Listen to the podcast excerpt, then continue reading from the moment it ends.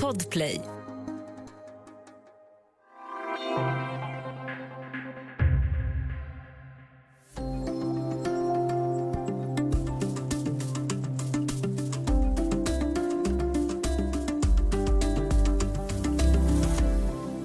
I en tid då demokratin utmanas på flera håll i världen så gick Sudan emot strömmen. Diktatorn Omar el-Bashir störtades 2019 efter en folklig revolt och en väg mot fria val började stakas ut. Så i måndags. We begin with that breaking news out of Sudan, where the military has arrested several civilian ministers and officials. Protest leaders are calling on people to take to the streets and resist what they say could be a military coup. Nyheten om en militärkupp i Sudans huvudstad Khartoum sprids över världen. I dagens Studio DN pratar vi om kuppen i Sudan och det politiska läget kring Afrikas horn. Jag heter Ylke Holago.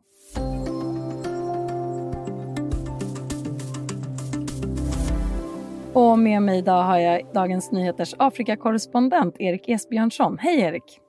Hej hej! Vi ska ju prata om det politiska läget i Sudan, men först en liten påminnelse om landets geografiska placering. Sudan gränsar ju i norr till Egypten och i söder till Sydsudan till väster, eh, i väster till Tchad och Centralafrikanska republiken och så i öster till Etiopien. Och det här med lägets betydelse i ett större perspektiv ska vi återkomma till.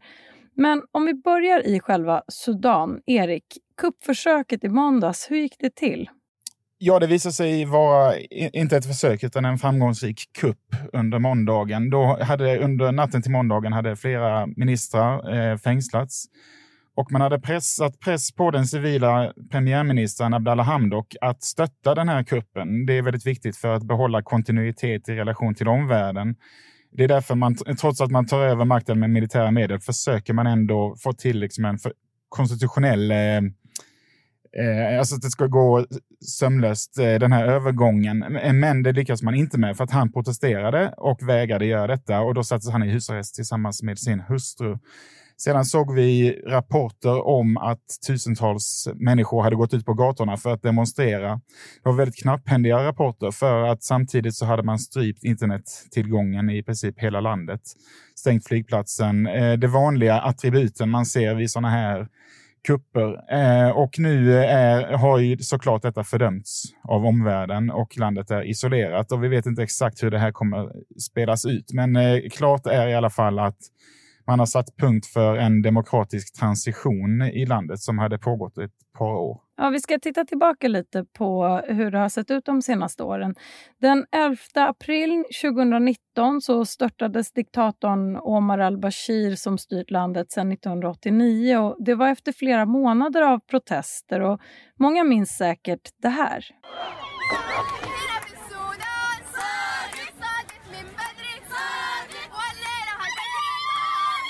Ja, det var fredsaktivisten Ala Sala när hon ledde protestsång och talkörer vid en demonstration i Khartoum. Och bilden på henne ståendes på en bil i vit klädsel har klassats som ikonisk och Ala Sala blev senare nominerad till Nobels fredspris. Erik Esbjörnsson, vad var det som hände sen? Jag kommer att tänka på uttrycket liten tuva välter ofta stor vagn. Alltså, det här började med en symbolisk fråga alltså, om just brödpriserna. Priset på en limpa bröd som hade stuckit iväg. Som utlöste de här protesterna och som sedan ledde så småningom till liksom, Omar al-Bashirs fall. Denna ikoniska despot som har styrt sitt land. Eh, det var liksom bara en månad kvar till han skulle fira 30 år som, eh, som landets ledare. Eh, så fort han hade, det var ju militären som lyssnade på folket och, och störtade Bashir formellt sett. Men så fort de hade satt honom i fängelse, då, då dog liksom deras egen vilja till förändring. Det var ju av självbevarelsedrift som de petade honom. Eh, och människorna förstod ganska snabbt att de här, eh, de här militärerna har inget delar inte alls våra intressen här. Så att de stod på sig och fortsatte demonstrera under flera månader vilket gjorde att grannländerna, både Etiopien då och även Afrikanska unionen, eh, skickade medlare. Och det var de som kom fram till den här lösningen att civila och militära ledare ska dela på ansvaret för landet under en övergångsperiod som sattes till 39 månader som skulle leda fram till fria val. det, jag tycker det är väldigt viktigt att lyfta fram det här att man har pratat väldigt mycket det senaste decenniet om afrikanska lösningar på afrikanska problem. För att öka legitimiteten i processerna så är det viktigt att det inte kommer ut liksom västerlänningar med pekpinnar som säger vad någon ska göra, utan det här var liksom en, en lösning som var pragmatisk och som, och, och som framförallt var liksom regionalt rotad i alla fall. Det, det fanns stort stöd i, i regionen för den här eh, modellen. Så ett, just då sågs det som ett, eh, som ett föredöme. Sen var det såklart många som, eh, som hade farhågor om att det här kanske inte kommer bära hela vägen fram.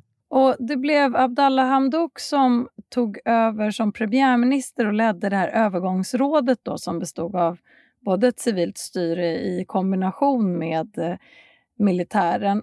Vem, var, vem är Abdallah Hamdok? Abdallah Hamdok han är idag 65 år gammal, ekonom i grunden och har haft en rad internationella poster i regionen. Han nominerades av al-Bashir till finansministerposten bara något år innan eh, Bashir petades, men tackade nej. Men det, det, det visar ju att han ändå hade ett visst stöd även, inte bara liksom bland demonstranterna som såg honom som en lämplig civil ledare, men även i det gamla gardet hade han uppenbarligen försänkningar. Det var väl därför han var en bra kompromisslösning. Sen har han ju inte så stor erfarenhet av just det här maktspelet på högsta nivån. Men det, det sågs ändå som en, som en god lösning för och en person som kanske inte hade de här ambitionerna att fortsätta styra i oändlighet, utan framför allt ta det här ansvaret under övergångsperioden. Och Hamdok har alltså styrt landet då tillsammans med både civila ledare och militären. Vad har han kunnat föra för typ av politik och ideologisk linje? i den här regionen där inkomstskillnaderna, alltså det, det, vet, väldigt många länder har en liten elit, men väldigt många är ganska, har ganska modesta inkomster. Där kan man inte riktigt läsa politiken enligt en höger och vänsterskala som, som vi är vana vid. Eh, så att ideologi, det, det, är svårt att tala om en, en, någon annan ideologi än pragmatism egentligen. Att han har försökt gilla läget, göra det bästa av den här hopplösa situationen. Där man balanserar liksom folkets krav på förändring mot militärens motvilja till just förändring. Och det var det han försökte ta sig framåt längs den här vägen. Passerade ett antal milstolpar.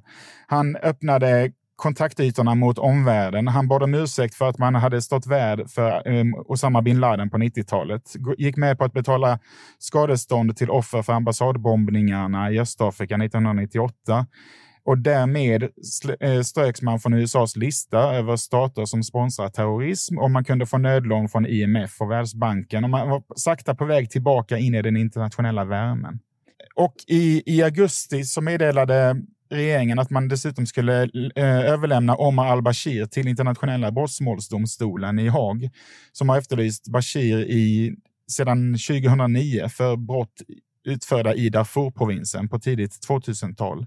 Det var ju en otroligt viktig symbolisk markering. Sen så tyvärr så hann man ju inte hela vägen till ett överlämnande. Kvinnor tog ju stor plats i de protester som föregick störtandet av Omar al-Bashir. Vad hände med jämställdhetsfrågorna under premiärminister Abdallah Hamdok?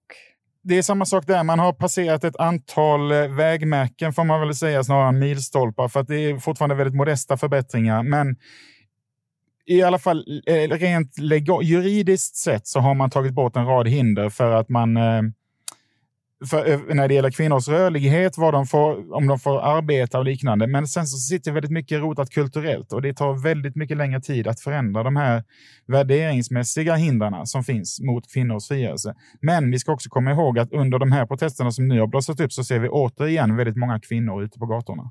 Militären som nu har tagit över landet leds av armégeneralen Abdel Fattah al-Burhan som tidigare hade ledande positioner inom militären också under al-Bashir. Varför inträffade kuppen just nu? Abdallah Hamdoks uppgift, man skulle kunna säga att det är som att liksom montera ner ett kärnkraftverk när bränslestavarna fortfarande ligger kvar i reaktorn. Varje skal du tar bort så ökar riskerna hela tiden. Och nu börjar man se att militärens ekonomiska privilegier, deras ägande i statliga bolag, det liksom utsattes för genomlysning. Plötsligt blir de väldigt mycket stressade. Och dessutom symbolfrågan kring Bashir. Men jag tror snarare det var så att militärens nyvunna makt som uppstod efter att Bashir försvann, jag tror att det snarare var det som stressade dem. Men de har ju visat tecken under flera månader på att hela tiden motsätta sig den här demokratiseringsprocessen. Vi ska ta en kort paus och sen prata mer om hur kuppen i Sudan påverkar och påverkas av läget i regionen. Inte minst Etiopien och konflikten i Tigray varifrån många flytt till Sudan.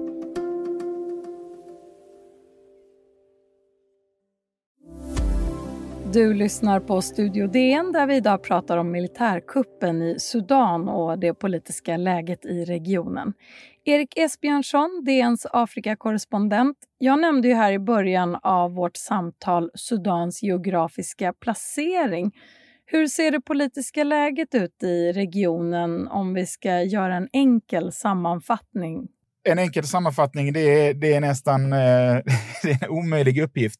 För att just Afrikas horn är en av de mest komplexa regionerna, om inte i Afrika så i världen. Det, det, det finns eh, väldigt många Regionen har varit upplåst i ett spel av, eh, enligt principen fiendens fiende är min vän under väldigt många år. Och vid varje, varje gång det blir skifte, eh, maktskifte i ett land så uppstår kedjereaktioner av eh, allianser och lojaliteter som förändras. Det, det påminner ofta om läget i Europa innan första världskrigets utbrott. Um, och eh, aktörerna då såklart i mitten är ju Etiopien. Det är jättelandet med närmare 120 miljoner invånare som har strider med Eritrea, som har haft latenta konflikter med Somalia i öster och även med Sudan om en gräns. Plus att eh, i regionen går ju dels världshandeln i princip passerar utanför genom eh,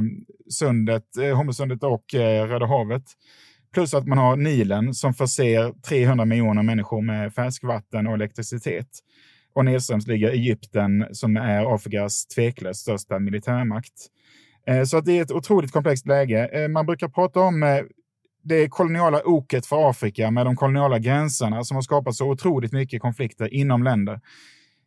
Här har vi ett motsatt problem att Etiopien var det landet som inte koloniserades så att gränserna slogs aldrig fast riktigt internationellt för att det inte fanns någon, e- för att när de gjordes upp i Europa så var det liksom ingen som sa någonting om specifikt Etiopiens gränser. Så att Etiopien har haft en rad problematik, en massa olika problem med respektive grannland genom åren. Och allt det här kommer nu upp till ytan när vi har haft maktskiften både i Sudan och i Etiopien, plus att Somalia är på väg in i en liksom oändligt lång transition där man försöker också åstadkomma ett nytt styre. Så att det är väldigt turbulent just nu i Afrikas horn. Och när jag sa enkel sammanfattning så menade jag egentligen förenklad förstås, för det här är ju väldigt komplext som du också nämnde. Hur påverkas Sudan av läget i Etiopien och Tigray? Ja, för, som jag nämnde tidigare, för bara två år sedan efter att Bashir hade kastats ut, då var det Etiopien som skickade en medlare till Sudan. Allting såg bra ut i Etiopien. Abiy Ahmed var på väg han höll på att sluta fred med Eritrea, eh, men sedan dess har ju saker och ting gått väldigt illa i Etiopien. Det, det ett inbördeskrig med tiotusentals döda soldater. Vi har en svältsituation i Tigray i norr och Tigrays västra gräns råkar, samman, äh, eh, råkar vara mot Sudan. Och på andra sidan den här gränsen så finns det etniska amharier, vilket försvårar läget ytterligare. Så att Sudan och Etiopien har haft en latent gränskonflikt under många år, men på grund av att man har en ny ledare i Addis så har den poppat upp till ytan igen. Och det, för, det gör att Sudan lätt kan dras in i Etiopiens inbördeskrig vid det här läget. Och om du återigen skulle försöka sammanfatta här, vilken politisk roll kan man säga att Sudan har i regionen här mittemellan de här länderna? Det är ju på grund av det delade styret hittills upp till kuppen igår eh, på måndagen så har ju Sudan liksom inte haft några större ambitioner. Man har inte velat markera sin makt. Tvärtom har man blivit något av en modererande kraft i konflikten om Nilens vatten som pågår mellan Egypten och Etiopien. Nu vet vi inte hur den här militärjuntan som nu styr i Sudan, hur de kommer bete sig internationellt. Jag tror att de först och främst kommer försöka hitta fotfästet när det gäller sudanesisk inrikespolitik och försöka Först måste vi se vad händer i Khartoum, men efter det så, så tror jag att framför allt Etiopiens premiärminister Abiy Ahmed är väldigt stressad över det som sker i grannlandet. För nu kan han bli pressad på ytterligare en front. Ja, och slutligen om vi försöker blicka lite, lite framåt i alla fall. Hur skulle regionen påverkas om det politiska läget förvärras i Sudan och Etiopien? Om det förvärras i Etiopien, då har vi en total kollaps i Afrikas horn. Då, då finns det liksom inget ankarland kvar. Etiopien har ändå varit liksom centralen för ah, väldigt mycket verksamhet som FN och andra hjälporganisationer ägnar sig åt. Det är via Addis Abeba man hela tiden har, har rört sig. Så att egentligen är det Etiopien som är absolut mest stressande. Men sen ska man komma ihåg att Sudan är liksom alla de här miljontals människor som har migrerat eller flytt i olika, i olika tillfällen från Afrikas horn och tagit sig norrut. Det är genom Sudan de kommer och, eh, och EU kommer nu titta på Sudan och se, okej, okay, vem är vår motpart här? Hur ska vi, vem ska vi samtala med för att hantera de här migrations och flyktingströmmarna? Det vet man inte i, i nuläget. Ja, vi lär ju få återkomma till det här ganska snart känns det som. Tack så mycket Erik Esbjörnsson, Dagens Nyheters Afrikakorrespondent. Tack, tack. Ljudklippen i dagens avsnitt kommer från Al Jazeera och Deutsche Welle. Om du vill kontakta oss så går det bra att mejla till studiodn dn.se. Studio DN görs för Podplay av producent Palmira Kokari Menga. Ljudtekniker Patrik Miesenberger, teknik Jonas Lindskov på Bauer Media och jag heter Ylke Holago.